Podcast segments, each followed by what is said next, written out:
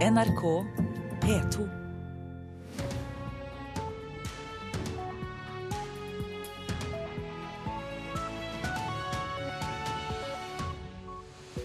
Vi kan by på en ny sending eh, fra Nyhetsmorgen onsdag 3. juni. Nå 6.30 er dette overskrifter.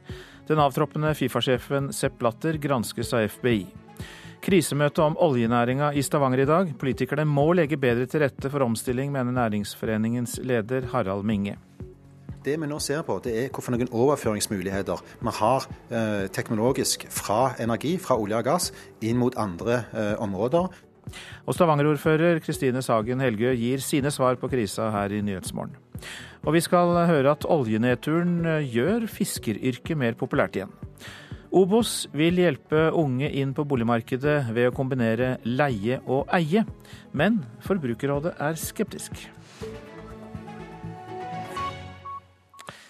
Her i studio i dag, Øystein Heggen. Ja, Sepp Blatter eh, trakk seg altså som Fifa-president i går, eh, og blir gransket av FBI og amerikanske myndigheter mistenkt for korrupsjon. Det blir nå jobbet med å få fram tilstrekkelig bevis for å kunne sikte Blatter, skriver The New York Times.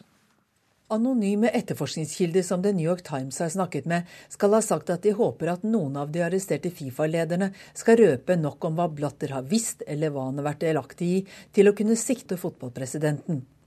Det var fjernsynskanalen ABC som først brakte nyheten om at Sepp Blatter granskes av FBI, og nå går spekulasjonene høyt om hva de kan ha funnet som fikk Fifa-presidenten til å trekke seg like etter at han var gjenvalgt.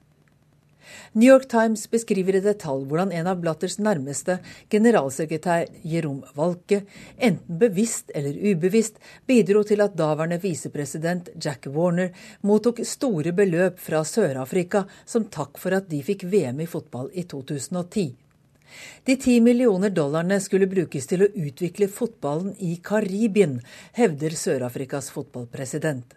Men de amerikanske granskerne tror at Warner beholdt mye selv mistenker FBI og USAs justisdepartement at Blatter visste mer enn han sier om denne og de 46 andre punktene i siktelsen mot de 14 som ble arrestert for en uke siden, eller har de mistanke om at han også selv har beriket seg? Det får vi trolig vite mer om de nærmeste ukene. Groholm, Washington. Og den tidligere Fifa- og Uefa-toppen Per Raven Omdal mener prins Ali fra Jordan vil kunne være perfekt til å ta den gigantiske fotballorganisasjonen ut av hengemyra.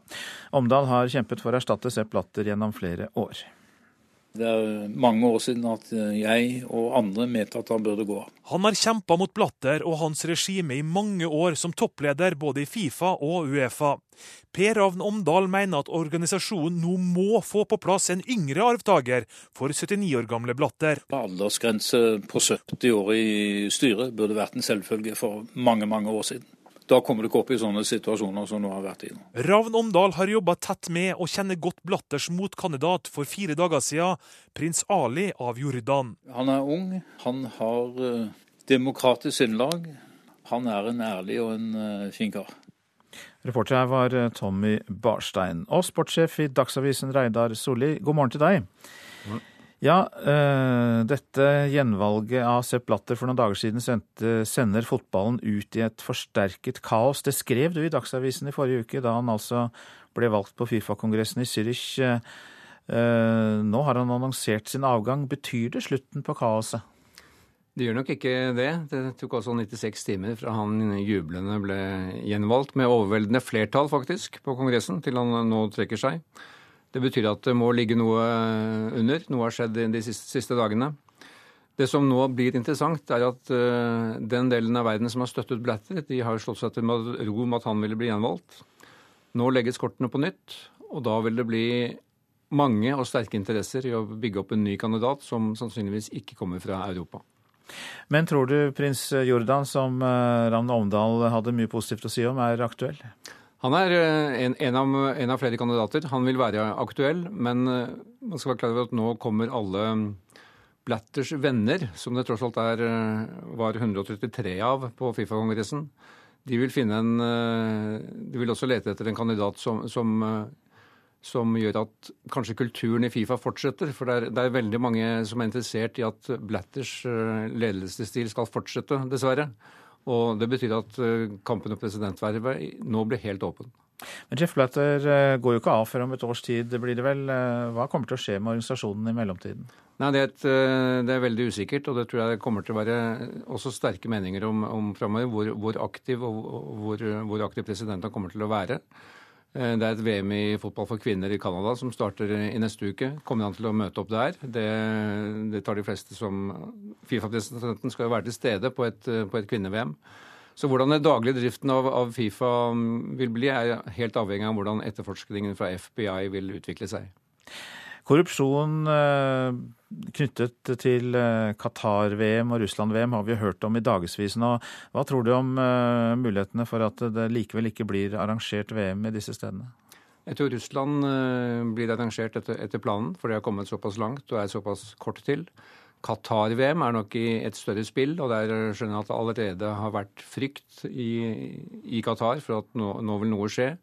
Og det er um, Qatar-VM i 2022 er usikkert per i dag.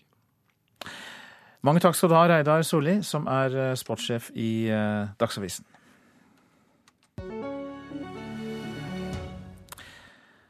Nå skal vi høre at 30 olje- og gasskommuner kommer til Stavanger i dag for å diskutere krisen som bransjen er oppe i. Rundt 15, eh, nei, 15 000 skal det være. Arbeidsplasser er blitt borte etter at oljeprisen ble halvert, og selskapene strammer inn på kostnadene. Nå står en omfattende omstilling for tur, men noen er allerede godt i gang. Det du ser her er en, en robot eh, som, eh, som, egentlig er et eh, videosystem som er revet løs fra veggen.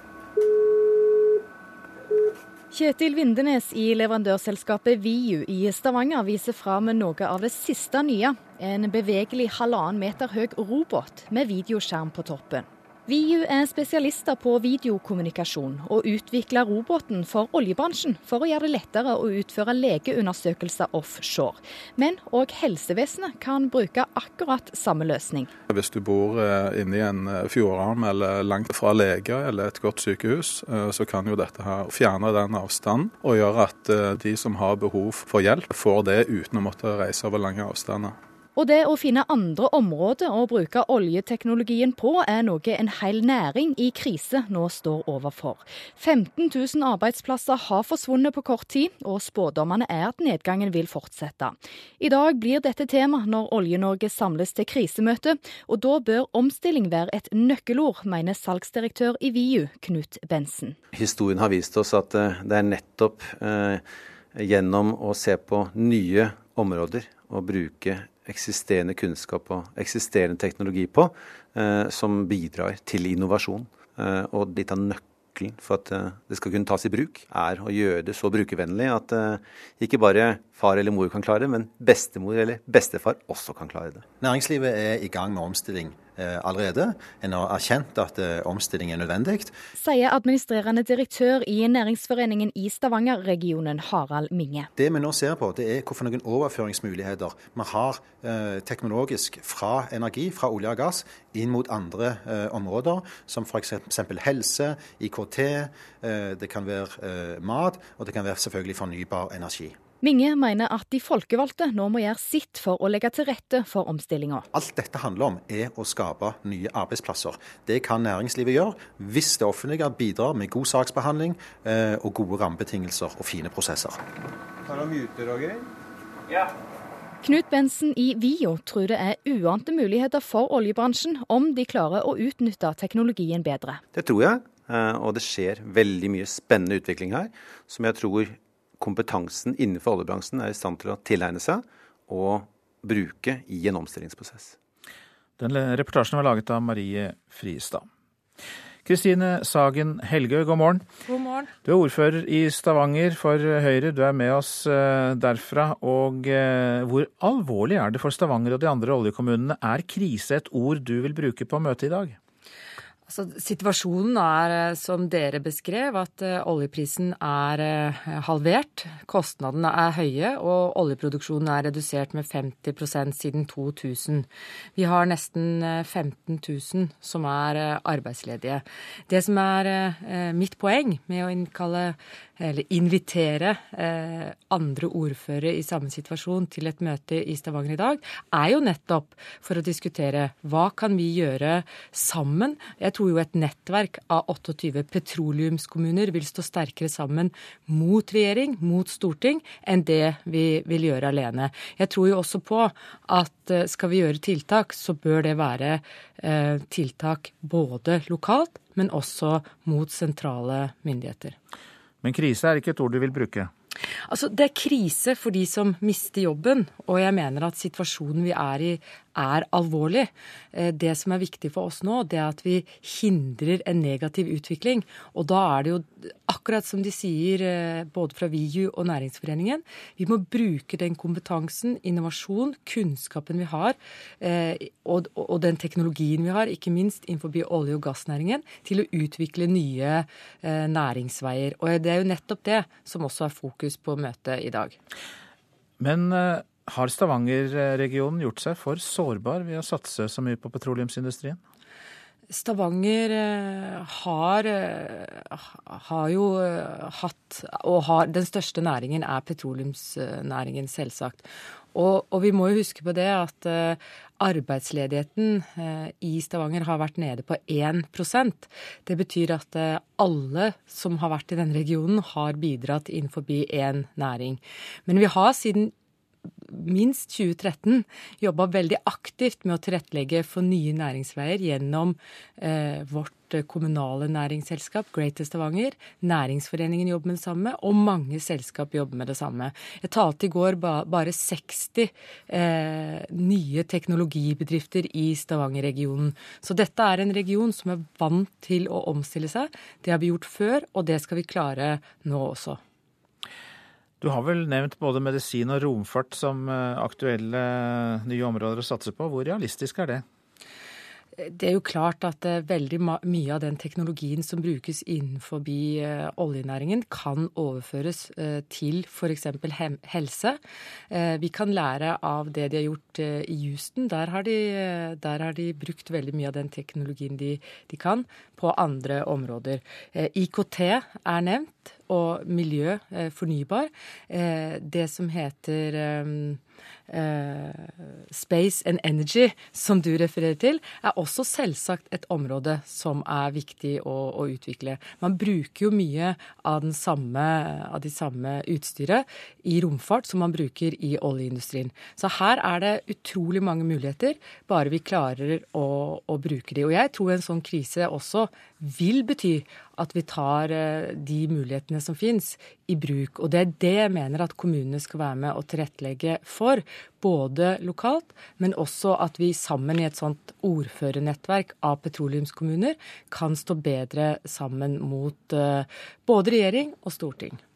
Takk skal du ha, Kristine Sagen Helgø, som er eh, ordfører i Stavanger. Mens nedturen i oljenæringen tvinger offshorefartøy i opplag, så øker strømmen av folk som vil ha hyre på fiskebåt. I mange år strevde fiskerinæringen med å rekruttere, men det har snudd, sier Stig Ervik i Ervik havfisk i Nordfjord i Sogn og Fjordane.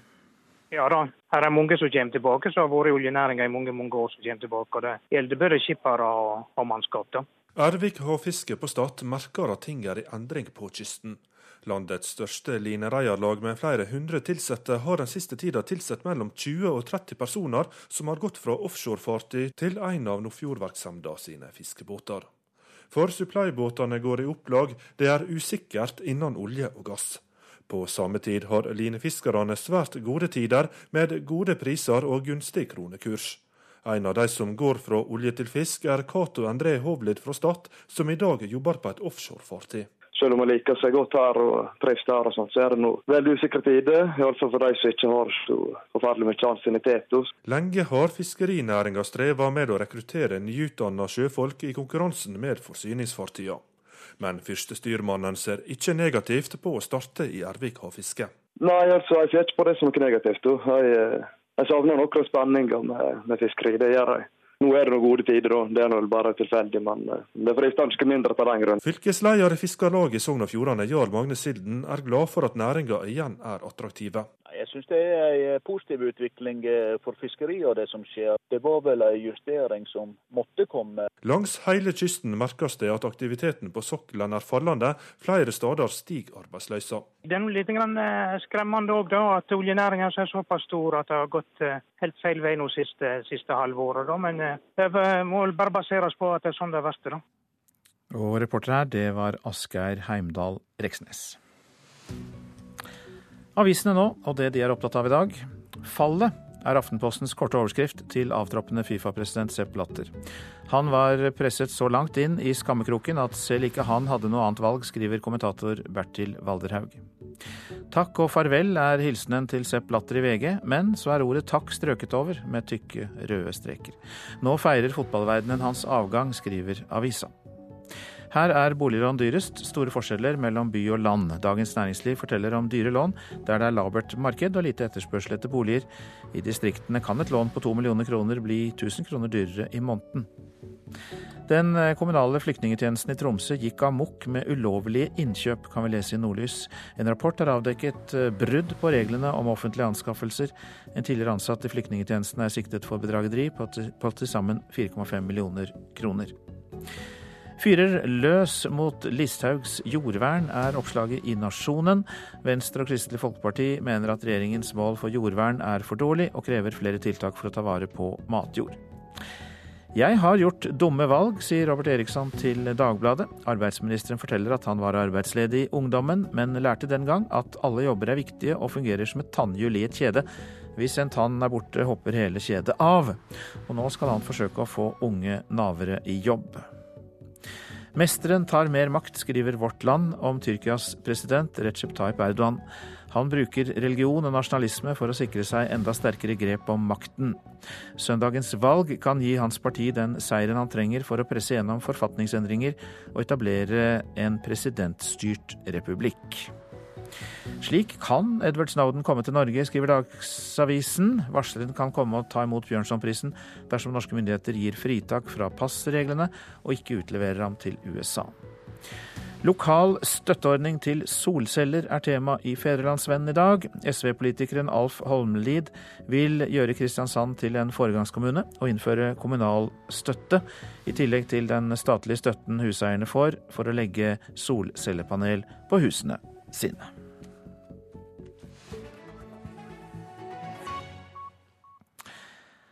Strenge krav til egenkapital får kreativiteten til å blomstre hos utbyggere som vil nå fram til unge på boligmarkedet. I Rogaland er ulike former for å kombinere leie og eie aktuelle. I Sandnes bygger Obos 25 leiligheter som unge kan eie sammen med Obos. Men Forbrukerombudet fraråder prosjektet. Helt øverst i eh, feltet her ligger den, eh, eller skal den blokka ligge. Det er fortsatt bare leiligheter på papiret, men eh, neste år står Obos sitt pilotprosjekt for unge i etableringsfasen ferdig. Så der er 25 boenheter i, eh, i denne? Daglige leder i Obos Rogaland, Halvard Nordahl, mener de har kommet fram til en god leie-eie-modell i dette boligprosjektet i Sandnes. De kan kjøpe og eie 70% sjøl, og de kan leie inntil 30% av oss. Og Så vil de over en tidsperiode kunne kjøpe seg opp og til slutt eie 100% i den eh, boligen. 87 kvadratmeter, 59 kvadratmeter er det på. I markedsføringa så er det jo eh, framstilt etter vår vurdering som mer økonomisk fordelaktig enn det er. Forbrukerombudet fraråder unge å inngå kontrakt ut ifra denne modellen. Fagdirektør Tonje Hovde Skjelbostad mener Obos får ta del i fordelene, men slipper mange av ulempene. De eier 30% av boligen, men det skal ikke dekke noen av felleskostnadene eller innboforsikring, eller tar ikke ansvar for vedlikehold f.eks. Eh, men de skal likevel ta del i prisstigning og verdistigning i markedet. Og I tillegg reagerer de på at kjøperen får treårig salgs- og utleieforbud. Og for å overta Obos sin eierandel, som for øvrig setter lista for leieprisen, så kan de ikke inn med små beløp, men minst 200 000 hver gang. Nei, Forbrukerombudet har nok uh, sin agenda oppi det. De skal ivareta forbrukerne sine interesser. Men uh, kanskje uh, de misforstår litt intensjonene med dette her. Og nå har Forbrukerombudet tatt saken videre til Finanstilsynet. Konseptet etter vårt syn framstår mer som en kredittavtale enn en husleieavtale, og derfor så har vi kontakta Finanstilsynet for å få deres vurdering av akkurat det. Vi mener jo at uh, dette her er ikke noen uh, selgerkreditt på noen måte. Obos velger nå å sette leie-eie-prosjektet på vent fram til det konkluderes i saken. Men Nordahl håper at kritikken ikke setter krokfot på det han mener er en gunstig avtale for de unge som vil inn på boligmarkedet. Vi sitter i dag med, med, med en verden som enten består av å være 100% inne på leiemarkedet eller 100% inne på eiemarkedet. Det må være en mulighet for folk å komme seg inn på boligmarkedet uh, uten å uh, gå 100 inn på eiebiten med en gang.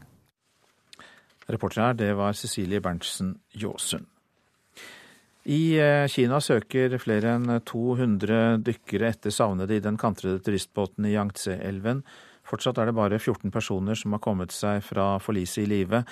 Eh, båten hadde over 450 passasjerer da den gikk rundt, og angivelig etter at den ble rammet av en tornado for halvannet døgn siden. Og vi skal høre mer om dette fra vår Asia-korrespondent Peter Svaar etter klokka sju. Klokka den er 6.51, du lytter til Nyhetsmorgen. Dette er noen av hovedsakene i dag. Den avtroppende Fifa-sjefen Sepp Latter granskes av FBI. Det er krisemøte om oljenæringa mellom petroleumskommunene i Stavanger i dag. Både medisin, romfart og data er områder som eh, vi kan satse på, sa Kristine Sagen Helgø i Nyhetsmorgen, ordfører i Stavanger. Obos vil hjelpe unge inn på boligmarkedet ved å kombinere leie og eie, men Forbrukerombudet fraråder prosjektet. En innstramming av offentlighetsloven er en trussel mot demokratiet, mener Norsk Presseforbund. I går fremmet et klart flertall i justiskomiteen på Stortinget forslag om å endre offentlighetsloven, slik at bl.a. byrådene i Oslo og Bergen får muligheten til å unnta flere dokumenter fra innsyn. Nå registrerer jeg at eh, en del politikere mener at eh, det blir bedre beslutninger når de får diskutere i fred. Det er helt i strid med demokratiet og demokratiets ånd. Eh, og jeg mener også det er helt i strid med den tiden vi lever i. Ja til frihet! Ja til frihet! Folkets engasjement kan svekkes, frykter Kjersti Løken Stavrum i Presseforbundet, når man ikke lenger skal få muligheten til å få tidlig innsyn i saker som f.eks. handler om skolenedleggelser, veitraseer og inngrep i byrom og natur.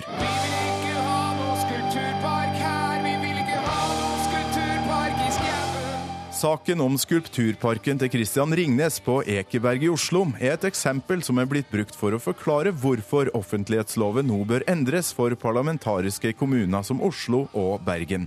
En sak som skapte et enormt engasjement og ble tema for en låt av satiremetallbandet Black Debate. Konsekvens kan dette fort bli men helt i starten av behandlinga av slike saker ønsker byrådspolitikerne arbeidsro, og at journalister og velgere ikke skal få innsyn. Det vil jo være et tilfelle hvor vi alle er tjent med å få lov til å være med og diskutere fra første stund. Det vi snakker om her, er om byrådet, kommunerådet eller fylkesrådet skal få mulighet til å diskutere hva som skal være byrådets felles syn. Byrådsleder i Oslo, Stian Berger Røsland, påpeker at den kommende endringa av offentlighetsloven kun gjelder fortrolig diskusjon innad i byrådet og sier følgende om Presseforbundets bekymring for demokratiet. Det er sterkt overdrevet. Det som skjer nå, er at man fra Stortingets side bekrefter at det er slik at et byråd må kunne ha noen interne diskusjoner. Det er veldig typisk at politikerne, når de ønsker arbeidsro fra folket, da er det all grunn til at vi andre bør hoppe i stolen. Derfor vil vi ikke ha noe skulpturpark her.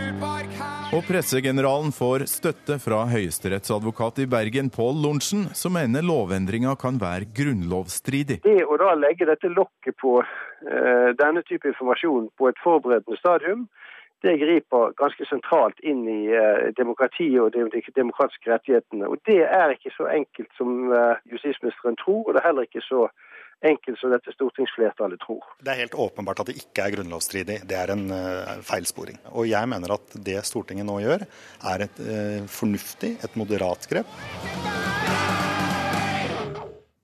Reporter var Torskild Thorsvik. Nå om Norge, Island og film. For hvis Norge får en insentivordning som gjør det mer lønnsomt for internasjonale filmselskaper å filme her, så må Island gjøre det enda mer attraktivt. Ja, det sier Islands filmkommisjonær Einar Thomasson. 16 land i Europa har en slik ordning, og Norge går inn i hard konkurranse. Jo flere land som får en slik ordning, jo bedre vilkår må landene etter hvert gi, ifølge en rapport. I think for, for the Icelandic films, it's been absolutely mandatory to have this, this, uh, this uh, tax break to be able to, to pull them off. Støtteordninger til utenlandske filmer har vært helt avgjørende, sier Balthazar Kormakur, Islands største filmregissør, som står bak filmer som 101 Reykjavik. Men Island er ikke alene om å ha en insentivordning i form av subsidier eller reduserte skatter. Totalt tilbyr 16 land i Europa tilskuddsordninger til utenlandske filmproduksjoner, og fra januar neste år følger Norge etter. For å imøtekomme den stadig sterkere konkurransen mellom landene, bør Island øke sitt filmtilskudd fra 20 til 25% mener Islands filmkommisjonær Einar Thomasson. So, because not only Norway is coming in with incentives like you're stating here, but uh, Ireland has been raising their numbers as well. Det er ikke bare Norge som kommer med insentiver. Både Irland, England og andre land i verden har økt deres summer, sier Thomasson. You have to be smart. Your pretty crows had a thousand men on us. Yeah, he's a liar. He is. Flere av sesongene i Game of Thrones er spilt inn på Island takket være de gunstige tilskuddsordningene. Nå vil industriministeren på Island, Ragnheidur Elin Arnadottir, vurdere å øke insentivene for å stå bedre rustet i konkurransen mot bl.a. Norge. The system will come up for renewal at the end of 2016. So now what we are doing We are uh, looking at what other are doing. Vi studerer de landene som er best i klassen for å være sikre på at systemet vårt er konkurransedyktig, sier ministeren. Resultatet av at land stadig byr over hverandre, kan bli et kappløp mot bunnen, der det til slutt ikke vil være noe å hente på en insentivordning, skriver Oslo Economics i en utgreiing om insentivordninger. Dette uroer ikke kulturminister Toril Vidvei. Det er jo en nyere rapport om europeiske insentivordninger som viser at det er lite som tyder på at de europeiske insentivordningene faktisk ødelegger for hverandre. Snarere tvert imot. De europeiske insentivordningene forsterker hverandre ved at de sammen evner å tiltrekke seg flere ikke-europeiske produksjoner. Denne reportasjen var laget av Helga Tunheim. Værvarselet. Fjell i Sør-Norge. Vestlig stiv kuling utsatte steder. Regnbyger. Mest av det blir det i vestlige fjellstrøk, og snø over ca. 1100 meter. Østafjells på kysten periodevis eh, vestlig stiv kuling, i kveld minkende vind. Enkelte regnbyger vest i Agder og på Østlandet nord for Mjøsa. Ellers stort sett opphold og perioder med sol. Vestlandet sør for Stad. Eh, vestlig liten kuling sør for Obrestad. I kveld minkende vind og regnbyger. Møre og Romsdal regn og regnbyger. Trøndelag får litt regn, fra i ettermiddag regnbyger. Så går vi til Nordland. På Helgeland litt regn, ellers oppholdsvær og perioder med sol. Fra i ettermiddag nordvestlig opp i liten kuling og regnbyger i Nordland. Så går vi til Troms, med oppholdsvær og perioder med sol, faktisk. Fra i ettermiddag nordlig periodevis liten kuling, og da kan det komme noen regnbyger i Troms. Finnmark oppholdsvær og perioder med sol. Fra i ettermiddag enkelte regnbyger. Nordensjøland på Spitsbergen litt snø eller sludd i øst, ellers stort sett oppholdsvær. Så går vi til temperaturene, og disse ble målt klokka fem i natt. Svalbard lufthavn to grader. Kirkenes, Vardø og Alta hadde ni grader alle tre. Tromsø-Langnes 7. Bodø og Brønnøysund 9 grader. Trondheim-Værnes og Molde 7 grader. Bergen-Flesland og Stavanger 8 grader. Kristiansand-Kjevik 10, Gardermoen 8, Lillehammer 7, Røros 0 og Oslo-Blindern hadde 9 grader. Du lytter altså til eh, Nyhetsmorgen. Vi fortsetter i P2 og eh, Alltid nyheter. Men eh, dere som har lyttet på oss i P1 pluss, får et annet tilbud nå etter klokka sju.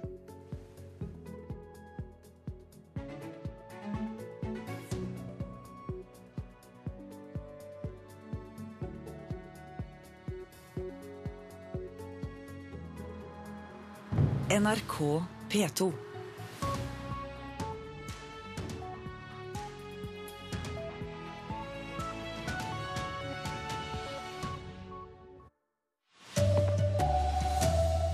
Antibiotikaresistente tarmbakterier i kylling kan ha smitta nordmenn, viser forskning.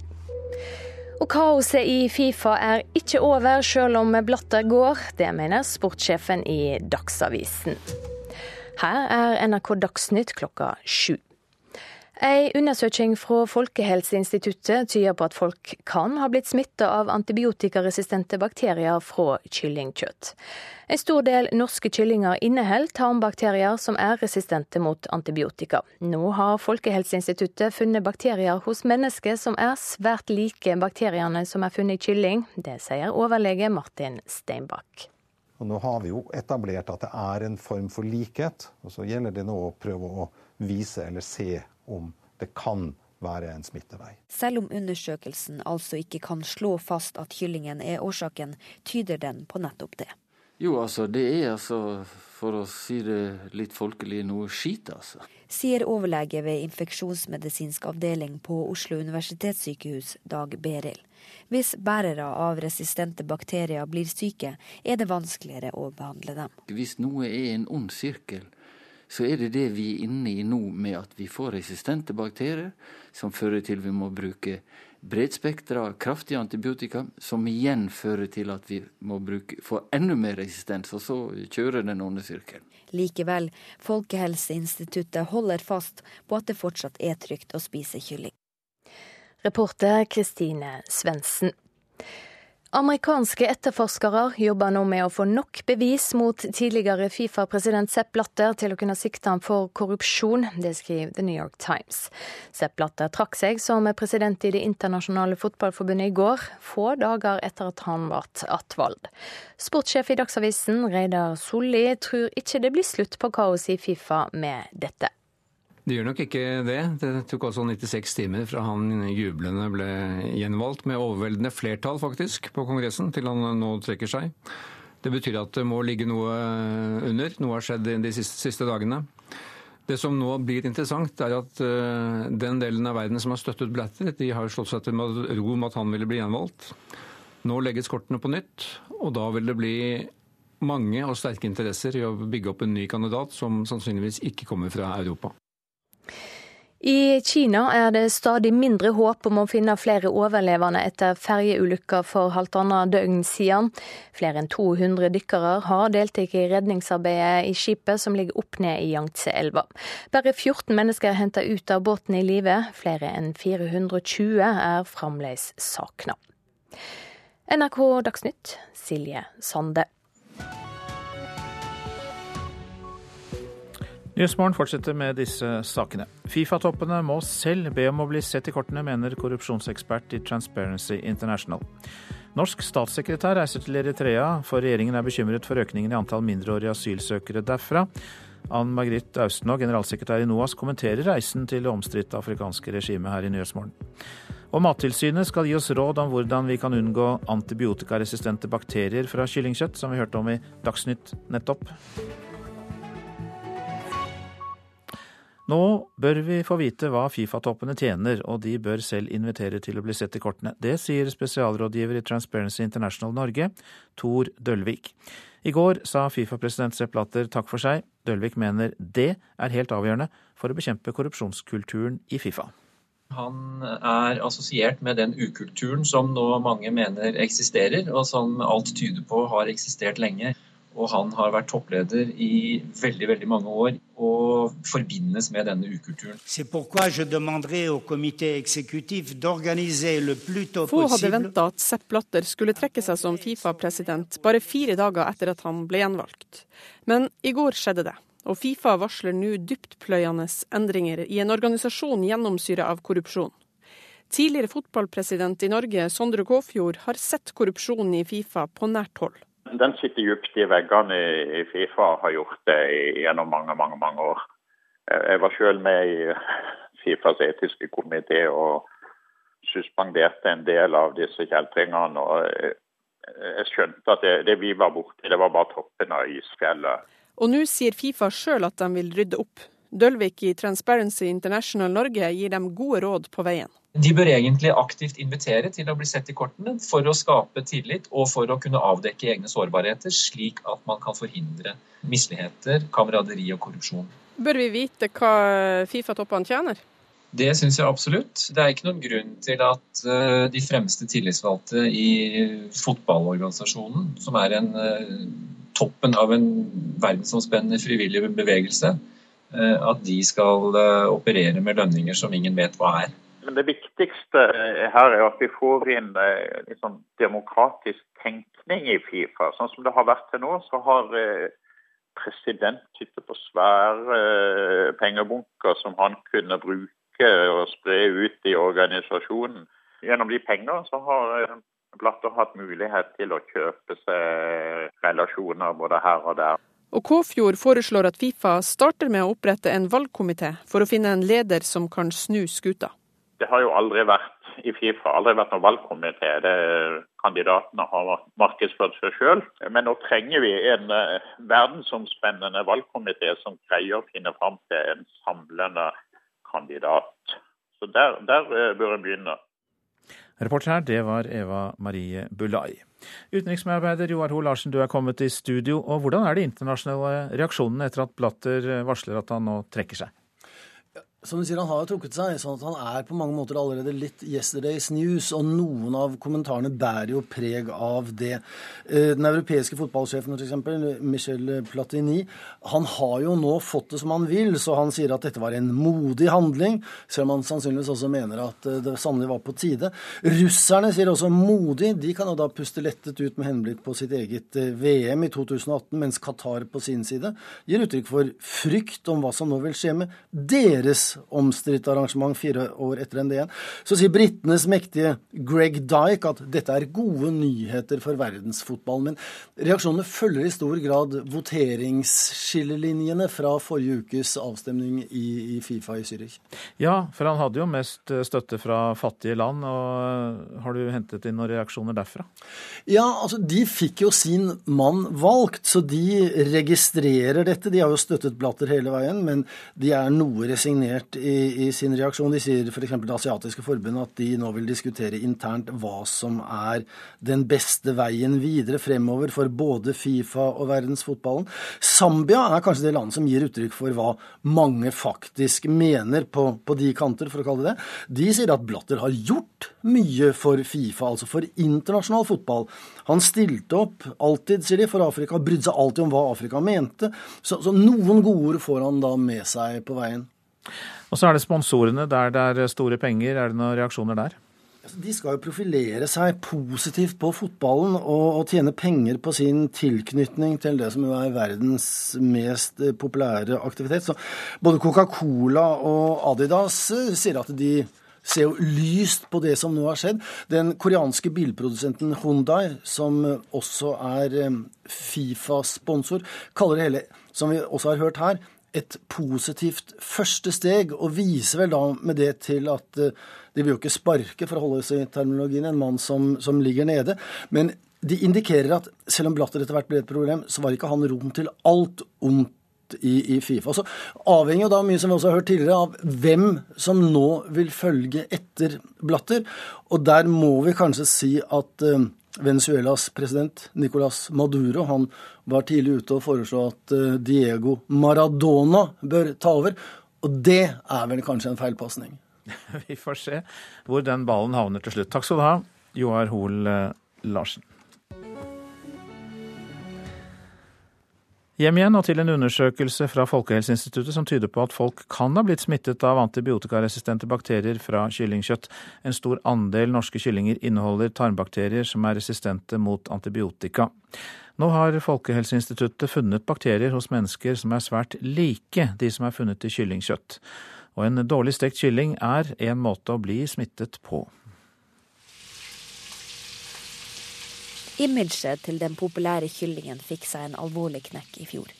Lederen i Legeforeninga spiste ikke kylling i det hele tatt, og en fremtredende forsker ville ikke ta i kylling med fingrene.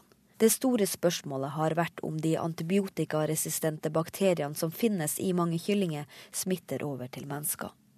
Nå har Folkehelseinstituttet undersøkt 257 prøver av pasienter med urinveisinfeksjon og funnet ut at seks er blitt syke av en bakterie som er lik kyllingbakteriene, sier overlege der Martin Steinbakk. Men det vi ikke vet, er jo om disse personene har spist kylling noen gang, eller om de har vært et annet sted. Så vi kan ikke sikkert si altså, at det er kyllingen som er årsak til at de er blitt syke.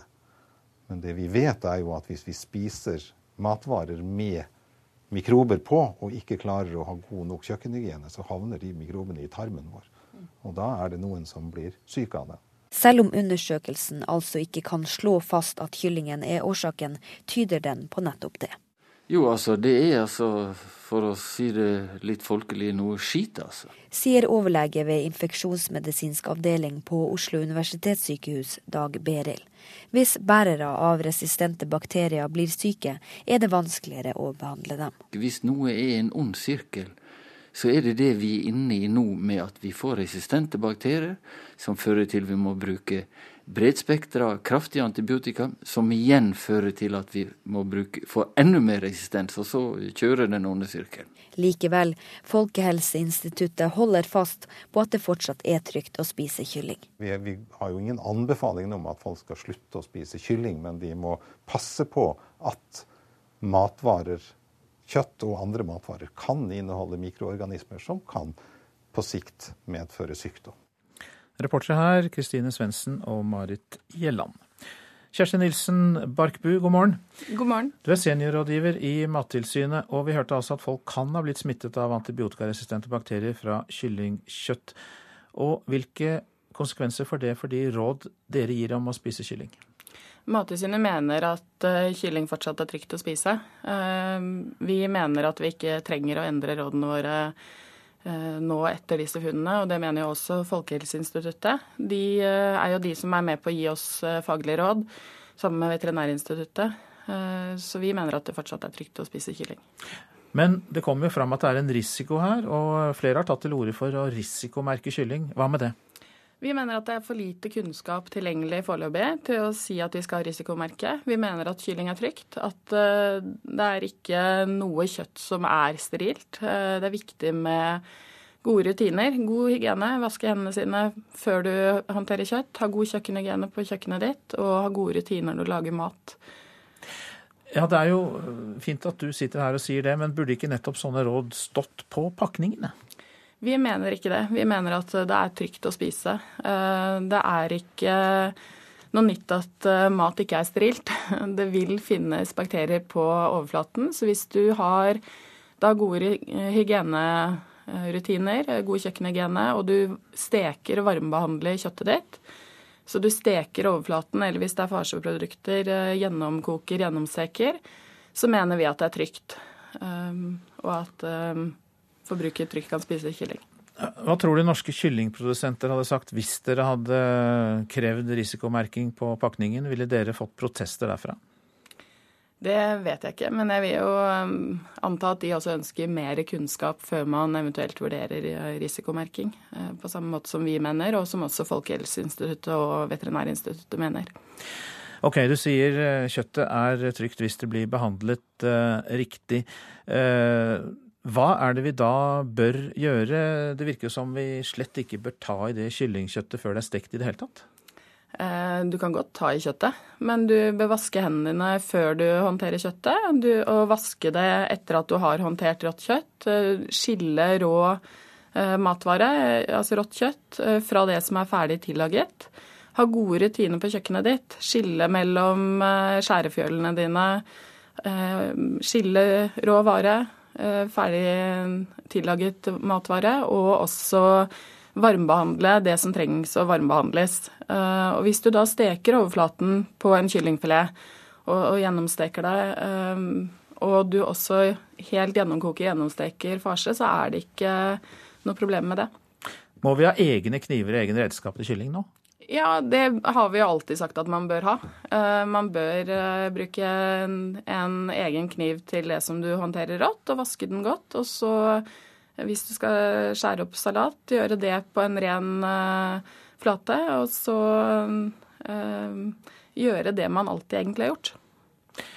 Da får vi håpe at folk eh, passer på og eh, håndterer eh, den maten som ikke er varmebehandlet på en forsvarlig måte. Takk skal du ha, Kjersti Nilsen Barkbu, som er seniorrådgiver i Mattilsynet. Nå om at antall mindreårige asylsøkere fra Eritrea øker, som vi også hørte i går. Det bekymrer nemlig regjeringen. Statssekretær Gøran Kalmyr fra Frp er nå på vei til Eritrea for å gå i dialog med myndighetene der. Ja, I Norge så får man også opphold fordi at man ikke vet helt hva konsekvensene er hvis man sender eritreere tilbake. Og Nettopp derfor er det viktig å ha en god dialog med eritreiske myndigheter. Sørge for at vi får observatører inne i Eritrea. I dag lander Kalmyr i diktaturstaten Eritrea, et av verdens mest lukkede land. En hel generasjon ungdom er i ferd med å rømme diktaturstaten. Ekstrem fattigdom og frykten for mangeårig nasjonaltjeneste, som ofte bærer preg av tvangsarbeid, gjør at stadig flere risikerer livet over Middelhavet. Nå er det så mange som flykter fra Eritrea at de står i risiko for å miste hele generasjonen sin. Men er dere litt sånn urolige nå over at det kommer veldig mange flere nå enn det har kommet tidligere av disse mindreårige? Ja, Vi er urolige helt tatt for at det nå er nesten kanskje en million mennesker som prøver å komme seg over til Europa. Det sier seg sjøl at Europa har ikke kapasitet til å ta imot så mange. Eh, Norge heller har ikke det. I går fortalte NRK at det aldri har vært flere mindreårige asylsøkere fra Eritrea som i mai måned. Vi vet ikke sikkert om dette er en trend som eh, kommer til å fortsette eh, eller eventuelt forsterke seg. Eh, men vi må være forberedt på alt. Sier UDI-direktør Frode Forfang. Flere steder i landet vil oppdage at de får flere enslige mindreårige asylsøkere i, i sitt nærområde. Ja, Vi er skarpt bekymra for at det kommer flere unge barn som blir sendt til Norge for å få oppholdstillatelse. I Eritrea er økonomien avhengig av innbyggernes plikttjeneste, som oftest varer over mange år men statssekretær Kalmyr har håp om at myndighetene går med på endringer. Vi skal møte en rekke ministre, deriblant utenriksministeren. Eh, fordi at Dette er også et viktig tema for eritreerne. Eh, de eh, vil jo ikke at ungdomsgenerasjonen skal forsvinne, men skal man få til det, så må også de gjøre endringer i sin politikk som medfører at de ikke lenger har en nasjonaltjeneste som er et brudd på menneskerettigheter. Reporter her var Line Tomter. Og eh, velkommen til deg, Anne Margrit eh, Austenå. Generalsekretær i NOAS, Norsk organisasjon for eh, asylsøkere. Ja, Hva tror du Kalmyr vil klare å oppnå med den dialogen? Det Kalmyr ønsker å oppnå, er at eritreiske asylsøkere som kommer til Europa, kommer til andre land enn Norge. Dette her er ren politisk kynisme. Det er eh, ingen reelle utsikter til at Kalmyr får vite noe annet enn resten av verden eh, om hva som er situasjonen i Eritrea. Og det regimet han skal møte, har sagt disse tingene og løyet for sitt eget folk og resten av verden i 20 år. Men Kalmy sier her at eh, Eritrea kan risikere å miste en hel generasjon, og at han vil gå inn for at de endrer reglene bl.a. for denne samfunnstjenesten som mange frykter. Ja, senest i mars så ble eh, eritreiske representanter spurt om dette i FNs eh, menneskerettighetskomité i Genéve. Og direkte spørsmål bl.a. fra norske representanten, men flere land. Og det de svarer er veldig vagt. De benekter at militærtjenesten er uendelig, men ja, den har en del forlengelser, svarer de. Det, det var altså i mars. I juni kommer eh, menneskerettighetskomiteens egen kommisjon med en rapport. De har jobbet med dette i et år og intervjuet mange hundre kilder. Den foreløpige rapporten er at det er ingen reelle tegn til endring. Det samme sier eh, en sveitsisk delegasjon som var i Eritrea nylig. Du kaller denne reisen for kynisme. Er det bare kynisme i å reise ned til Eritrea og snakke med dem? da? Ja, så lenge det er, det er dette regimet vi snakker om, og så lenge eh, Altså Kalmyr, eh, eller norske myndigheter, var i eh, Eritrea samtidig som regjeringen presenterte sin rapport om menneskerettigheter i utenrikspolitikk og utviklingspolitikk. Og kriteriene for å støtte støtte eh, ulike lands utvikling, er deres vilje til å styre i samsvar med menneskerettigheter, demokrati og rettsstatsprinsipper. Og som det ble slått fast i Genéve i mars, og har blitt slått fast gjentatte ganger, at siden 1993 har det ikke vært holdt noen valg. Parlamentet sitter ikke. Grunnloven som ble vedtatt, er ikke tatt i bruk. Det er ingen rettsstat i funksjon. Det er vilkårlig fengsling, det er tortur, det er lukkede underjordiske fengsler, det er eh, interneringsleirer på ukjent sted. Ingen internasjonale observatører med et kritisk utgangspunkt slipper inn. Norske myndigheter slipper inn fordi de har inngått en avtale med Eritrea så sent som i desember i fjor eh, om i år å gi dem fem millioner for å drive yrkestrening for unge eritreere som returnerer frivillig. Det er det ingen som gjør. Men ved å gjøre en slik avtale, så gir man regimet et skinn av troverdighet. Murat. Skal det være null dialog med Eritrea? Det er din konklusjon? Nei, ikke null dialog, men spørsmålet er hva snakker man om? Og de norske myndigheter burde ha en dialog med, det er Etiopia, som de har gjort til ett av sine tolv hovedsamarbeidsland, fordi Etiopia okkuperer omstridt eh, landområde, men som FN mener er eritreisk. Og det er grunnlaget for at det eritreiske regimet har gjennommilitarisert eh, befolkningen og har denne uendelige militærtjenesten. Så vil man gjøre noe for den unge generasjonen Eritrea, så snakker man i Addis Abeba og ikke i Asmara. Takk til deg, Ann Margrethe Austenås, som er generalsekretær i NOAS. Klokka den er 7.21. Dette er hovedsaker i dag. Fifa-toppene må selv be om å bli sett i kortene, mener korrupsjonsekspert i Transparency International. Nordmenn kan ha blitt bærere av antibiotikaresistente bakterier etter kontakt med kyllingkjøtt. Kjersti Nilsen Barkbu, seniorrådgiver i Mattilsynet, sa her i Nyhetsmorgen at kyllingkjøtt fortsatt er trygt så lenge det blir behandlet forsvarlig. Og Eritrea får altså besøk av norsk statssekretær. Regjeringen er bekymret for økningen i antall mindreårige asylsøkere, og vi hørte nettopp at NOAS er meget kritisk til den reisen. I Kina er det ikke reddet ut flere overlevende fra den kantrede turistbåten i Yangtze-elven i løpet av natten. Fortsatt har bare 14 personer status som overlevende etter forliset for halvannet døgn siden. Båten hadde 456 passasjerer. 428 er fremdeles savnet. Og eh, Asia-korrespondent Peter Svaar, kan du oppdatere oss om redningsarbeidet nå? Ja, Til tross for nærmest enorme ressurser sendt til havaristedet med tusenvis av eh, både sivile og militære redningsarbeidere, flere hundre dykkere, så skjedde de eneste funnene i firetiden i natt, kinesisk tid. Man hentet ut to nye personer fra havaristen, begge omkomne. Det er altså til nå ingen flere overlevende hentet ut siden eh, i går ettermiddag. Det er fremdeles 428 som har status som savnet i denne katastrofen. Antall overlevende fortsatt 14. Og det gjør dette forliset til en av de verste her i Øst-Asia på mange år. Det høres eh, håpløst ut. Er det likevel eh, håp, har du inntrykk av, blant redningsarbeiderne? Ja, Det svinner nok raskt nå. Det er jo ett og et halvt døgn siden denne ulykken. Man har allerede skåret hull i skroget i forsøk på å hente ut mennesker som befant seg i luftlommer der. Samtidig så jobber dykkerne på spreng med å komme til nedenfra. Men eh, vannet i Yangtze-elven er brunt og ugjennomsiktig. Været har vært dårlig. Og disse dykkerne har også til nå kun greid å redde to personer. Men man gjør det som er mulig. Tre Kløfterdemningen lenger oppe i elven, Kinas største demningsprosjekt, har sørget for lavere vannføring i Yangtze nå, slik at mer av båtens eh, skrog har kommet over vannflaten. Men dette er jo nå i ferd med å gå fra en rednings- til en bergingsoperasjon. Og så er det kommet nye opplysninger om at båten skulle kaste anker rett før ulykken. Fortell oss litt om det.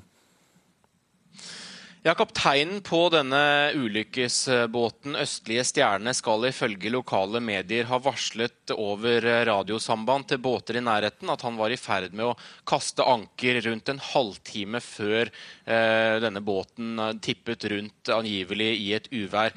Det er jo blant eh, opplysningene som nå går inn i etterforskningen, men det kan jo eh, kanskje antyde at forklaringen på denne ulykken etter hvert vil vise seg å være en kombinasjon av kraftige vindkast og en båt som da er ankret opp og således mer, eh, blir mer herjet med av vinden. Mange takk skal du ha i denne omgang, AC-korrespondent Peter Svår. Så til det avisene er opptatt av i dag. Fallet er Aftenpostens korte overskrift om avtroppende Fifa-president Sepp Blatter. Han var presset så langt inn i skammekroken at han ikke hadde noe annet valg, skriver kommentator Bertil Walderhaug. Takk og farvel er hilsenen til Sepp Latter i VG, men så er ordet takk strøket over med tykke røde streker. Nå feirer fotballverdenen hans avgang, skriver avisa.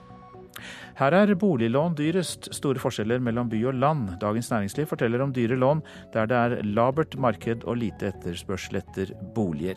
I distriktene kan et boliglån på to millioner kroner bli 1000 kroner dyrere i måneden. Den kommunale flyktningetjenesten i Tromsø gikk amok med ulovlige innkjøp, kan vi lese i Nordlys. En rapport har avdekket eh, brudd på reglene om offentlige anskaffelser. En tidligere ansatt i flyktningetjenesten er siktet for bedrageri på til sammen 4,5 millioner kroner. Fyrer løs mot Listhaugs jordvern, er oppslaget i Nasjonen. Venstre og Kristelig Folkeparti mener regjeringens mål for jordvern er for dårlig, og krever flere tiltak for å ta vare på matjord. Jeg har gjort dumme valg, sier Robert Eriksson til Dagbladet. Arbeidsministeren forteller at han var arbeidsledig i ungdommen, men lærte den gang at alle jobber er viktige, at de fungerer som et tannhjul i et kjede. Hvis en tann er borte, hopper hele kjedet av, og nå skal han forsøke å få unge til å innse det og komme i jobb.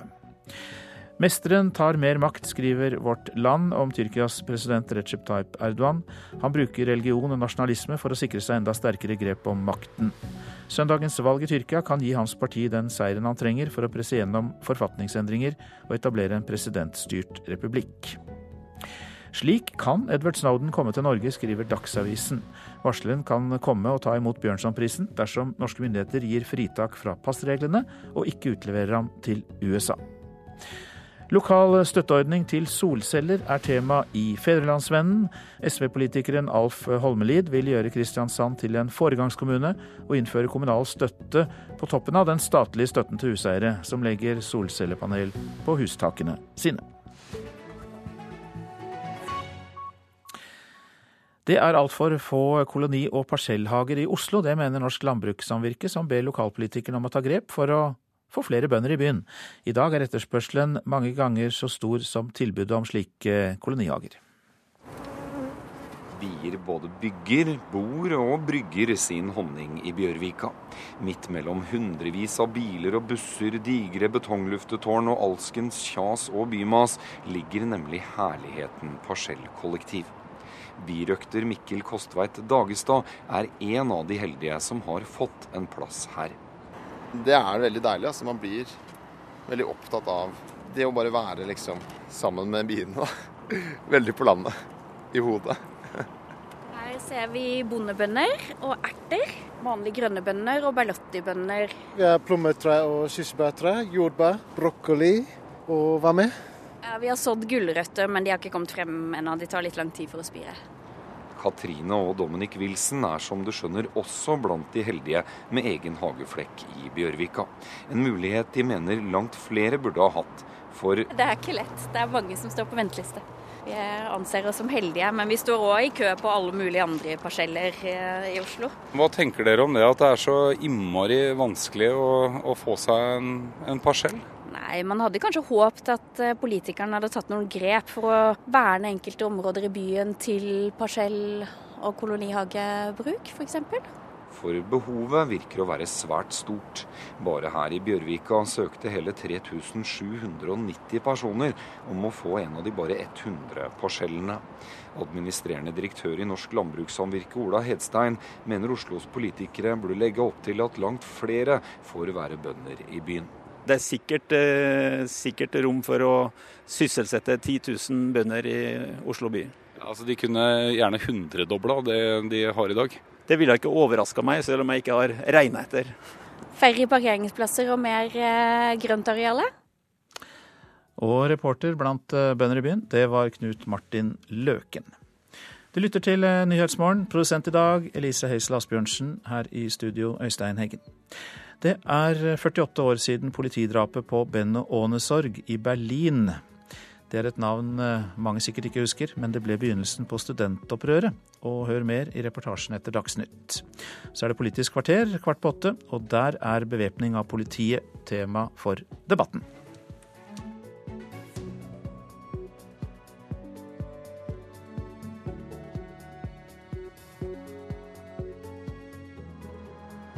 NRK P2.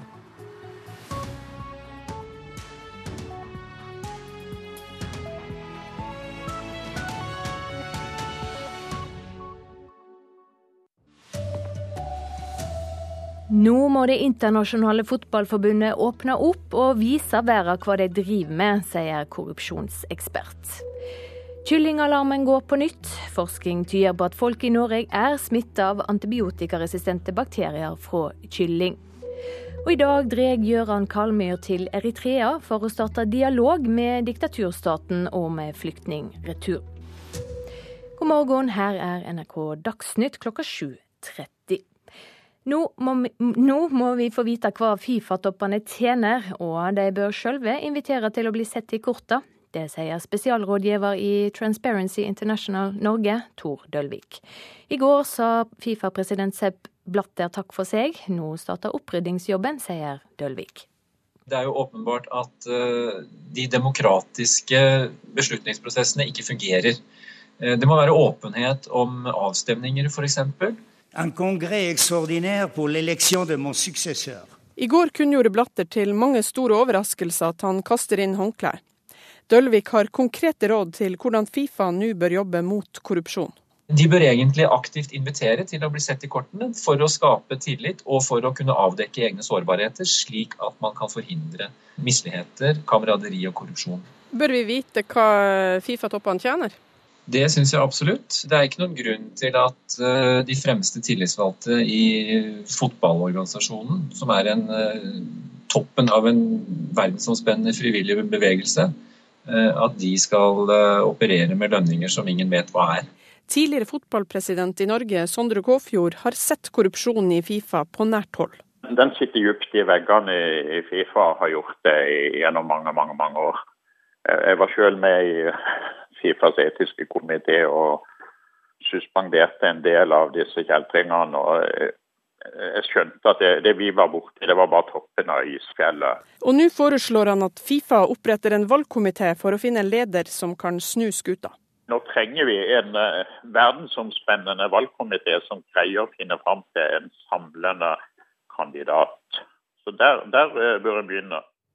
Reporter Eva Marie Bulai. Og Sepp Blatter blir ifølge amerikansk presse granska av amerikanske styresmakter, mistenkt for korrupsjon. Og utenriksmedarbeider Joar Hoel Larsen, hva er det som knytter Blatter til korrupsjon? Altså, Foreløpig så vet vi svært lite om det, i hvert fall konkret og offisielt. Som du sa, New York Times og andre de siterer anonyme kilder som hevder at han altså Blatter, er under etterforskning for korrupsjon. Men FBI selv, som etterforsket, har ikke kommentert disse påstandene i det hele tatt. Men på den annen side så er det klart at når så mange rundt ham, eh, nære medarbeidere, Fifa-tillitsvalgte, er i søkelyset, så blir også Blatter en del av etterforskningen, men hvor sentral del, det vet man altså ennå ikke. Men det er jo selvfølgelig da mange som spør seg, som vi har hørt her i radioen tidligere i dag, eh, hva kom på bordet i løpet av helgen, siden han var nokså arrogant da han ble gjenvalgt på fredag, og så trakk han seg altså i går. Så noe må ha skjedd. Hvordan er de internasjonale reaksjonene på at Blatter i går varsla at han eh, trekker seg? Ja, De følger i stor grad voteringslinjene fra forrige uke på Fifa-kongressen. Europa og andre vestlige land de er lette rettet, men de pakker selvfølgelig inn formuleringene i, i ord som uh, modig beslutning, som uh, Michel Platini i, i, Uefa sa, mens uh, Asia og Afrika tar det mer til etterretning og i større grad takker Blatter for alt han har gjort for internasjonal fotball. Altså med det så mener man internasjonal fotball utenfor Europa. Takk skal du ha, utenriksmedarbeider Joar Hoel Larsen. En undersøking fra Folkehelseinstituttet tyder på at folk kan ha blitt smitta av antibiotikaresistente bakterier fra kyllingkjøtt. En stor del norske kyllinger inneholder tarmbakterier som er resistente mot antibiotika. Nå har Folkehelseinstituttet funnet bakterier hos mennesker som er svært like bakteriene som er funnet i kylling. For dårlig stekt kylling er én måte å bli smitta på. Imaget til den populære kyllingen fikk seg en alvorlig knekk i fjor. Lederen i Legeforeninga spiste ikke kylling i det hele tatt, og en fremtredende forsker ville ikke ta i kylling med fingrene. Det store spørsmålet har vært om de antibiotikaresistente bakteriene som finnes i mange kyllinger, smitter over til mennesker. Nå har Folkehelseinstituttet undersøkt 257 prøver av pasienter med urinveisinfeksjon og funnet ut at seks er blitt syke av en bakterie som er lik kyllingbakteriene, sier overlege der Martin Steinbakk. Og nå har vi jo etablert at det er en form for likhet, og så gjelder det nå å prøve å vise eller se om det kan være en smittevei. Selv om undersøkelsen altså ikke kan slå fast at kyllingen er årsaken, tyder den på nettopp det. Jo, altså, det er altså, for å si det litt folkelig, noe skit, altså. Sier overlege ved infeksjonsmedisinsk avdeling på Oslo universitetssykehus, Dag Beril. Hvis bærere av resistente bakterier blir syke, er det vanskeligere å behandle dem. Hvis noe er en ond sirkel, så er det det vi er inne i nå, med at vi får resistente bakterier, som fører til vi må bruke bredspektra, kraftige antibiotika, som igjen fører til at vi må bruke, få enda mer resistens, og så kjører den onde sirkelen. Likevel, Folkehelseinstituttet holder fast på at det fortsatt er trygt å spise kylling. Men vi må passe på at matvarer, kjøtt og andre matvarer kan inneholde mikroorganismer som kan på sikt medføre sykdom. Reportasjen var laga av Kristine Svendsen og Marit Gjelland. Den eh, siste tida har det vært en øke i tallet på enslige mindreårige asylsøkere fra Eritrea. Det uroer regjeringa. Nå er statssekretær i Justisdepartementet Gøran Kalmyr fra Frp på vei til Eritrea for å forhandle fram en returavtale med det afrikanske landet. Ja, I Norge så får man også opphold fordi at man ikke vet helt hva konsekvensene er hvis man sender eritreere tilbake. Og Nettopp derfor er det viktig å ha en god dialog med eritreiske myndigheter. Sørge for at vi får observatører inne i Eritrea. I dag lander Kalmyr i et av verdens mest lukkede land. En hel generasjon ungdom er i ferd med å rømme diktaturstaten.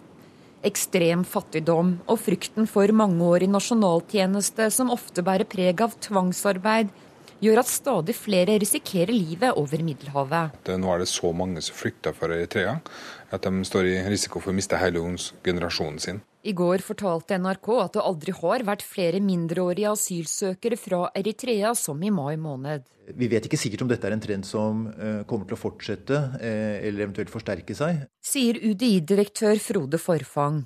Ja, Vi er skarpt bekymra for at det kommer flere unge barn som blir sendt til Norge for å få oppholdstillatelse. Vi har et håp om at eh, Eritrea skal endre seg, slik at det ikke lenger er en nasjonaltjeneste som da gir grunnlag for asyl, sånn som det er i dag. Reporter Line Tomter. Det er stadig mindre håp om å finne flere overlevende etter ferjeulykka i Kina for halvannet døgn siden. Flere enn 200 dykkere har deltatt i redningsarbeidet i skipet som ligger opp ned i Yangtze-elva. Bare 14 mennesker er henta ut av båten i live. Flere enn 420 er fremdeles savna. Et eh, flertall i justiskomiteen sier ja til at forberedende saksdokument i byråd og fylkesråd kan holdes hemmelige inntil ei innstilling er klar. Det betyr mindre høve til å påvirke og delta i den offentlige debatten, mener Senterpartiet. En får påvirka sakene senere. En får også mindre mulighet til å være med i den løpende debatten. Og en får senere innsyn i hva som er tilrådingene fra de ulike byrådene eller fylkesrådene. Det sier parlamentarisk leder i Senterpartiet, Marit Arnstad, om endringa i offentlighetslova som et flertall i justiskomiteen har gått inn for.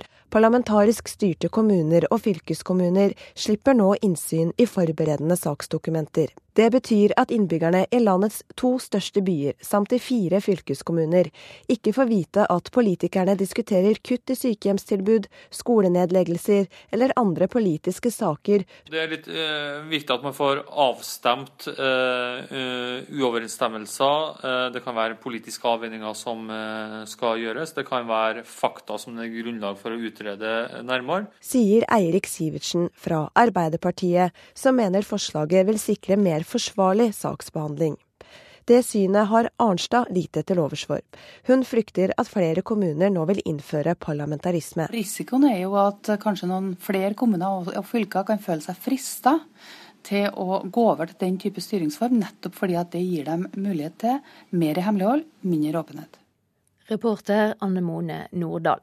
Og det blir eh, debatt om denne saka i Kulturnytt på P2 etter klokka åtte. Ansvarlig for eh, Dagsnytt denne morgenen, Gro Arneberg. Teknisk ansvarlig, Hanne Lunås. Her i studio, Silje Sande.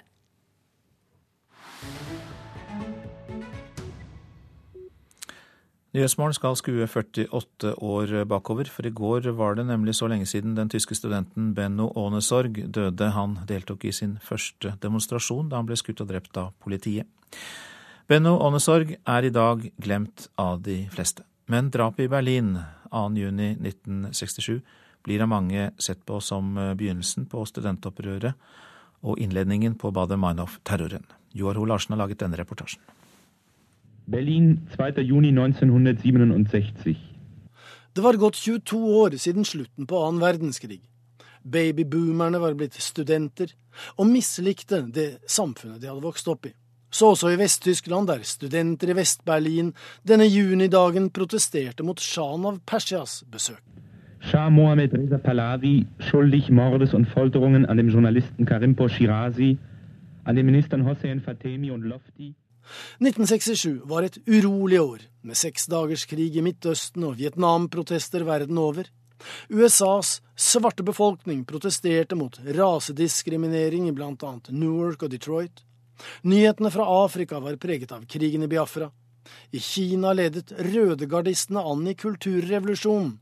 Che Guevara ble drept i Bolivias jungel, og i Frankrike ble grunnlaget lagt for det som skulle bli mai-opprør den påfølgende våren, og skape begrepet 68-er. Den drepte 26-åringen i Tyskland, Benno Aanesorg, var ingen barrikadestormer. Han var gift, kona var gravid, og han tilhørte ikke den radikalalternative bevegelsen i Berlin der narkotika og anarkisme, free love og autoritetsforakt rådde grunnen. Men viktigere enn alt var å få stanset folkemordet i Vietnam, sier Dieter Kunzelmann, som var sentral i Kommune 1 den gang. Dafür zu sorgen, äh, dass der Völkermord in Vietnam beendet wird. Astrid Prøll er en av de få som i dag snakker om epoken fra innsiden.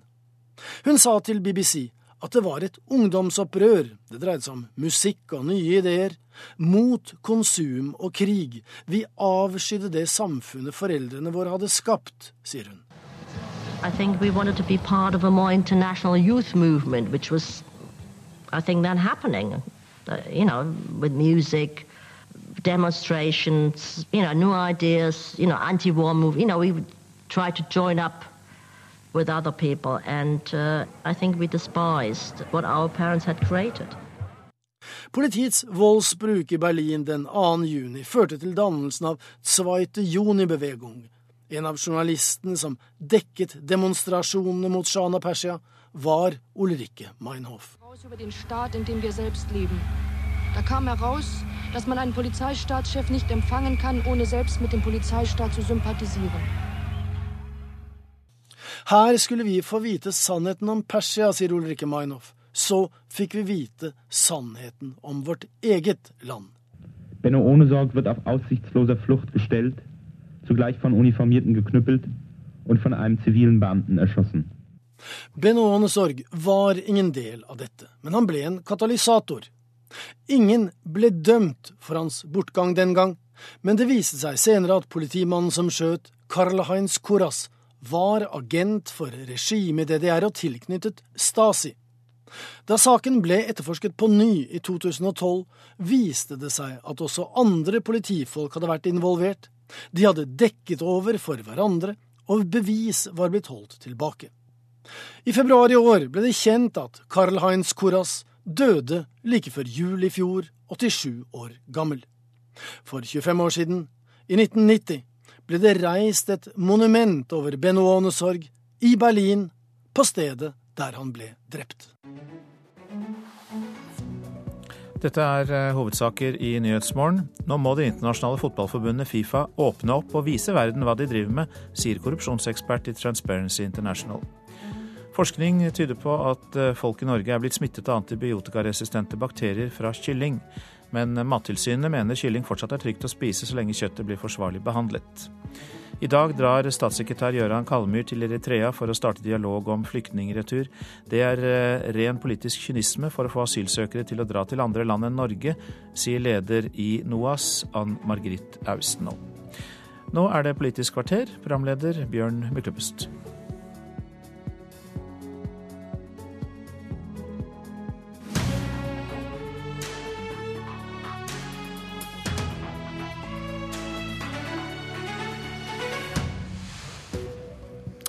Er det noe som tilsier at vi skulle tatt våpnene fra politiet nå? For terrorister skal nylig ha forsøkt å komme seg inn i Norge som flyktninger. Norske soldater er på plass i Irak for å bidra i kampen mot IS. Skal vi bare stoppe diskusjonen med det? Eller er det et stort men her? Er det noe som tilsier at politi med våpen fører til mindre terror? Og er ordet midlertidig tømt for innhold snart? I går fortalte justisministeren Stortinget hvorfor politiet må få bære våpen i to nye måneder. Han ble møtt med skepsis. Velkommen til Politisk kvarter. Hadia Tajik, leder i justiskomiteen og nestleder i Arbeiderpartiet. Hva tilsier at vi skulle tatt våpnene fra politiet nå? Vi ble fortalt i november i fjor eh, at eh, politiet nå skulle være bevæpna midlertidig. Nå har denne bevæpningen vart i snart åtte måneder. Den har blitt forlenga og vil vare i flere måneder. Og Da er det naturlig å spørre justisministeren hvilke initiativ er det han vil ta for å sørge for at bevæpningen faktisk er midlertidig. Kan han ta i bruk andre risikoreduserende tiltak som kan kompensere for våpenbruken? Og Den planen har vi etterlyst. Den planen har vi så langt ikke sett. Men hvis det var riktig tidligere å ta i bruk på et eller annet tidspunkt midlertidig bevæpning, så det vi vet helt åpent, er at terrorister skal nylig ha forsøkt å komme seg inn i Norge som flyktninger. Norske soldater er på plass i Irak. Er det noe som tilsier at trusselsituasjonen er bedre enn da dere var for i starten? Det er et komplisert trusselbilde. Og det mener jeg at man skal ha respekt for. Det vil òg til enhver tid være sånn at regjeringen vil sitte på mer informasjon om trusselbildet enn det Stortinget gjør. Og jeg har tillit til at regjeringen tar samvittighetsfulle vurderinger i den sammenhengen. Samtidig så vet vi at når det gjelder virkemidlet midlertidig bevæpning, så har det vært eh, politifaglig ulike vurderinger knytta til det. Man satte ned en arbeidsgruppe i Politidirektoratet i november for å se på dette og komme med anbefalinger. Det var ikke en entydig anbefaling fra den arbeidsgruppen om at man skulle innføre midlertidig bevæpning i en sånn situasjon. Man valgte likevel å innføre det. Man vet òg at det er ulike meninger blant politimestrene om hvorvidt dette er et eh, virkemiddel som eh, kan ha noen forebyggende eller avvergende effekt i denne type situasjon. Forskere fra Forsvarets forskningsinstitutt har også gått inn og sett på terrorangrepene som har skjedd mot vestlige land de siste årene. Og de påpeker at uh, siden 2001 så har det blitt planlagt og utført 76 angrep. Men uh, i de fleste av hendelsene så er det snakk om et for stort overraskelsesmoment til at generell bevæpning eller midlertidig bevæpning ville hatt noen som helst effekt. 55 av plottene var bare bomber. Fire av plottene var forgiftning. Fem av angrepene var med kniv eller øks. Og de skjedde såpass overraskende og uten politi til stede at de ikke ville kunne blitt avverga. Det er rimelig og relevante, tunge faglige spørsmål som her har blitt stilt, og som viser at det er rom for å etterlyse en plan fra justisministeren. Må si at de med full innsikt i trusselbildet. Justisdepartementet kunne ikke stille her i dag, men Hårek Elvenes, du sitter i justiskomiteen for Høyre. og Jeg snakket jo med deg i går. og Hvorfor mener du kritikken fra opposisjonen er preget av en naivitet? Syns opposisjonen, og spesielt SV, rir to hester. Man forbeholder seg retten til å kritisere. Man kritiserer at man nå har en midlertidig bevæpning, og man vil i hvert fall ha kritisert hvis man hadde vært ubevæpna og det hadde skjedd en terrorhendelse. Og faktisk så har det jo skjedd tolv terroranslag mot Vesten i løpet av det siste året. Knapt det siste året. For ett år siden så kom det en trusselvurdering fra PST og E-tjenesten som sa at IS erklærer krig mot USA og Vesten, mot det vantroe USA og mot det vantroe Vesten. De har fulgt opp det de sjøl har trua med. Vi har sett tolv terrorangrep, og fire av de terrorangrepene har vært retta mot politiet. Og Trusselvurdering tilsier jo at spesielt politi, militært personell og beslutningstagere innenfor forsvar og utenrikspolitikk er spesielt utsatt. Her må man legge seg på den trygge siden. Det er en betydelig risiko å ta politisk og gå bort ifra det rådet som kommer fra PST, og eventuelt ikke ha midlertidig bevæpning. Enten er man for midlertidig bevæpning, eller så er man mot. Og der vil jeg eh, avkreve spesielt SV et mer entydig holdning hva de faktisk mener, eller om de på en måte ønsker å ri to hester og kritisere og kritisere. Den var til deg, den. Bård Vegar Solhjell, nestleder i, i SV. Eh, naiv? Uh, nei, jeg uh, oppfatter meg selv som det motsatte av naiv. Uh, jeg fester stor tillit til de trusselvurderingene vi har. Jeg tror de er helt reelle. Jeg tror den er alvorlig nå som før, og jeg tror den fort kan bli det i mange år. Men jeg stiller store spørsmålstegn ved om vi blir tryggere mot en generell global terrortrussel ved at det går politifolk på Senja og i Naustdal og i hele Norge. Jeg syns det framstår helt udokumentert at det gjør det. Eh, I går, når justisministeren var i Stortinget, så kom det ikke fram at man har prøvd å analysere det, se på om det har gjort oss tryggere. Det er ingen dokumentasjon jeg kjenner på at det er en sammenheng mellom om land har bevæpna politi og ikke, og terroranslag. Og en viktig feil som Elvenes her sa, det er jo ikke PST som har anbefalt eh, bevæpning. PST har gjort en trusselvurdering. Så har Politidirektoratet foreslått bevæpning. Eh, og vi vet nå at det var delt der, og vi vet at fagfolk er delt. Så jeg, jeg er sterkt kritisk til justisministerens håndtering av det her. Jeg, jeg, jeg hørte deg i stortingssalen i går hvor du sa at dere var enige i den midlertidige bevæpningen i fjor høst. Når, når og så sitter du nå og sier at du har ingen grunn til å betvile det trusselbildet som Anders Anundsen eh, la fram i går. Og da skjønner jeg ikke hvorfor er, det like, hvorfor er det ikke like gyldig nå å være for eh, midlertidig bevæpning? Hva har endret seg? Når det ble presentert for oss i et, i et hemmelig møte i den utvida utenrikskomité, så festa jeg lit til ikke bare trusselvurderinger, men det her er et riktig tiltak, og vi valgte å stille oss bak det. Men har ting blitt bedre, da? Eh, hvis du bare lar meg snakke ferdig. I, I, løpet av få måneder, eh, måneder etterpå så etterspurte vi mer informasjon. Vi etterspurte at justisministeren skulle komme til Stortinget, og det kom fram eh, mye faglig kritikk av det. Og når et såpass vidtrekkende tiltak ikke begrunnes bedre, da syns ikke jeg lenger vi kan stille oss bak det. Og det vil ikke SV gjøre nå. Men det er en ting til at jeg frykter at midlertidig sakte, men sikkert vil skli over i varig. Altså ikke en bevisst snikinnføring, men at det bare blir sånn. Og det tror jeg er ganske realistisk, fordi at trusselen fra IS synes jo ikke å gå over med det første. Og da mener jeg, hvis vi faktisk ønsker å ha et ubevæpna politi i Norge, som hele Stortinget nettopp stemte for, da eh, plikter det regjeringa å gjøre noe for å finne alternativer. Elvenes, hvis trusselen fra IS er langvarig, hvis den, hvis den er permanent, da må vel bevæpningen også bli det, rent logisk? Hvis vi nå går inn i en situasjon der det, der det midlertidige skulle skli over i det permanente, så er vi jo i en helt ekstraordinær situasjon. Og da må jo Stortinget komme tilbake. Men jeg velger å være optimist. Jeg velger å være optimistisk på vegne av eh, sivilisasjons eh, videre kår, at dette er en situasjon som, som, som går over gjennom internasjonalt samarbeid og gjennom eh, eh bekjempelse av IS. For roten ligger i IS. Eh, og Vi ser også det at Norge har rekruttert en uforholdsmessig stor andel fremmedkrigere. De kommer nå hjem, er traumatisert, har fått opplæring i våpenbruk og representerer en risiko. Og kan også inngå i, i internasjonale terrorceller som kan utløses. Dette er en trussel man må ta på alvor. Eh, men PT så er situasjonen ekstraordinær og er blitt møtt med ekstraordinære tiltak, som er en midlertidig bevæpning. Og det hersker ingen tvil om at et bredt flertall på Stortinget at man over tid ønsker et ikke-bevæpna politi. Men Situasjonen er slik akkurat i dag at det er vanskelig å gjennomføre. Vi må gjøre noe med IS før dette endrer seg, Tajik. Hører du en begynnende argumentasjon for at dette kan vare og vare?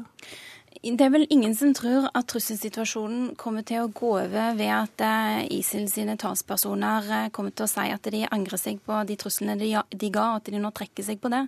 Og når man da likevel sier at situasjonen er midlertidig, at den på et eller annet tidspunkt skal gå over, så er det i hvert fall rimelig når det har gått åtte måneder, og da spør hvilke initiativ, hvilke tiltak er det justisministeren vil sette i verk for at det da reelt skal være en midlertidig bevæpning. Og da mener jeg at da må man se til andre land, se til de erfaringene man har gjort seg der. Hva er det som forebygger terrorangrep? Hva er det som avverger det? Blant annet så vet man nettopp det, å satse mer på analysearbeid, etterretningsarbeid, har vesentlig mer å si for det å kunne forebygge og avverge. Man har òg sett av de erfaringene, de angrepene som har skjedd i enkelte vestlige land de siste årene, at punktbevæpning knytta til konkrete objekter som man vet at er særlig utsatt, at det òg kan ha betydning. Elvenes viste til at det har vært eh, tolv angrep de, de, siste årene. Jeg spurte justisministeren i går hvor mange av de angrepene er det som har blitt avverga pga. bevæpning av politiet. Altså Bare det siste halve året har vi sett terrorangrep der våpen hos politiet ikke har hatt betydning. I København, i Paris, i, um, i um, Belgia. Altså Det er situasjoner der òg norsk politi ville vært bevæpna. Er du enig Solhjell, at eh, hvis, eh, hvis, det er et uttalt mål å angripe norske politifolk, eh, og et forsøk på det skjer, at det da er en fordel at den politimannen eventuelt har et våpen med seg? I, sånn det norske lovverket er, så er det sånn at i situasjoner der det foreligger en spesifikk trussel, eller en situasjon der politiet skal oppsøke, så men det, kan det Men ta den generelle trusselen fra, fra IS ja. som sier at, at folk i uniform er et legitimt mål. Den generelle trusselen som er uttrykt eh, gjennom taler osv. mot eh, politikere, militære, politifolk, diverse typer grupper over hele verden, en helt generell trussel. Eh, og det er derfor jeg stiller spørsmålstegn ved om det gjør den, den enkelte politi, mann og kvinne, og Norge som samfunn, tryggere hvis de har våpen. Jeg er sterkt tvilende til det. Og jeg må jo si at jeg blir på en måte mer urolig av å høre Elvenes, for hans viktigste svar er å være optimistisk om at trusselen fra IS går over. Men hvis man skal være realistisk, så tror jeg vi må si at den typen generelle terrortrusler, det kan vi ha i mange år. Og da kan man håpe at det går over, men det hadde vært mye bedre å aktivt forholde seg til hva vi kan gjøre som fungerer bedre, og som kan sikre at vi fortsatt kan ha et ubevæpna politi, og ikke en langvarig midlertidighet. Og det er blant annet ting Tajik her var inne på. Du kalte han naiv, nå kalte han deg optimist. Ja, Men det er jo denne logiske bristen som hele tida går igjen hos SV. Hvis man skulle følge SV sitt resonnement, de er tydeligvis eh, pessimistiske med tanke på fremtida. Da burde man jo rett og slett ha innført eh, permanent bevæpning i dag, for det er ingen utsikter til at dette kan gå over. Eh, det er en meget alvorlig situasjon, og man jobber på bred front for å, for å bekjempe dette. Og jeg er helt enig med, med Tajik at analyse, styrking av PST, som for øvrig regjeringa gjør i revidert nasjonalbudsjett, er veldig viktig. Man har oppretta et felles kontraterrorsenter mellom E-tjenesten og PST. Men i det daglige så har jo samfunnet et behov for å beskytte beskytte seg. Politiet higer ikke etter dette, men det er en dyd av nødvendighet. Og det er en ukjent komponent i dette som Stortinget bør ha respekt for. Det er den informasjonen som faktisk ikke kan tilflyte Stortinget og samfunnet, som har med, som har med etterretningsinformasjon å gjøre. Det det og det er regjeringa sitt privilegium og ansvar å ta stilling til. Å ta en risiko og neglisjere det trusselvurderinga og rådet vil være en betydelig risiko som man ikke bør ta. Regjeringa har det privilegiet, men bygger på informasjon ingen av oss tre som sitter her, fullt ut har. Ingen ute i samfunnet. Og så gjør man en kobling der man sier at vel, terrortrusselen er der, da må det være bevæpning. Uten å dokumentere den bedre eller forklare hvorfor det er det beste tiltaket. Det syns jeg ikke lengden går. Og jeg forventer en helt annen holdning til å, å gå etter de alternative måtene å beskytte oss bedre på. Dere, Interessen for denne saken daler. Det er kun notiser i dagens aviser. Tajik, er vi i ferd med å ta dette for gitt? Jeg tror i hvert fall at vi skal ta alvorlig at det nå har vart så lenge. At det er i ferd med, for enkelte kanskje, å fremstå som en mer permanent situasjon.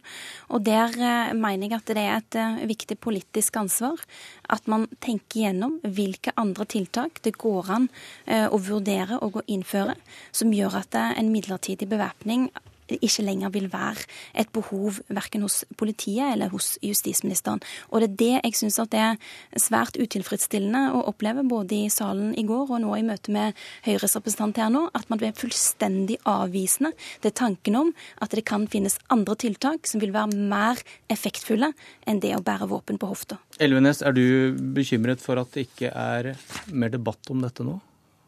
Ved en ny korsvei hvor den midlertidige bevæpninga forlenges? Den debatten vil nok være der så lenge som politiet er bevæpna. Men jeg vil eh, spørre SV hvor mye terror og hvor nært skal terroren komme ens egen dørstokk, og hvor mye bestikalitet skal avsløres i pressen før SV er med og tar et politisk ansvar for situasjonen de er oppe i? Eller skal man rie to hester og ha det privilegium å kritisere uansett? Det, det farligste er hvis det blir sånn i Norge at folk går rundt og frykter mer, er mer utrygge eh, pga. Eh, at de leser mer, ser mer av en global, generell eh, terrortrussel, eller at politikere som Elvenes kan kaste fram den typen ting. Vi hører om IS der borte. Eh, da må vi bare gjøre ting her og eh, anklage alle som vil debattere det, for å være naive. Det er nettopp den typen ting som er problemet med det vi nå opplever, okay. og at vi venner oss til en bevæpning sånn at den bare er der. Det blir kanskje en ny debatt om to måneder. Dette var Politisk kvarter. Hør flere podkaster på nrk.no podkast.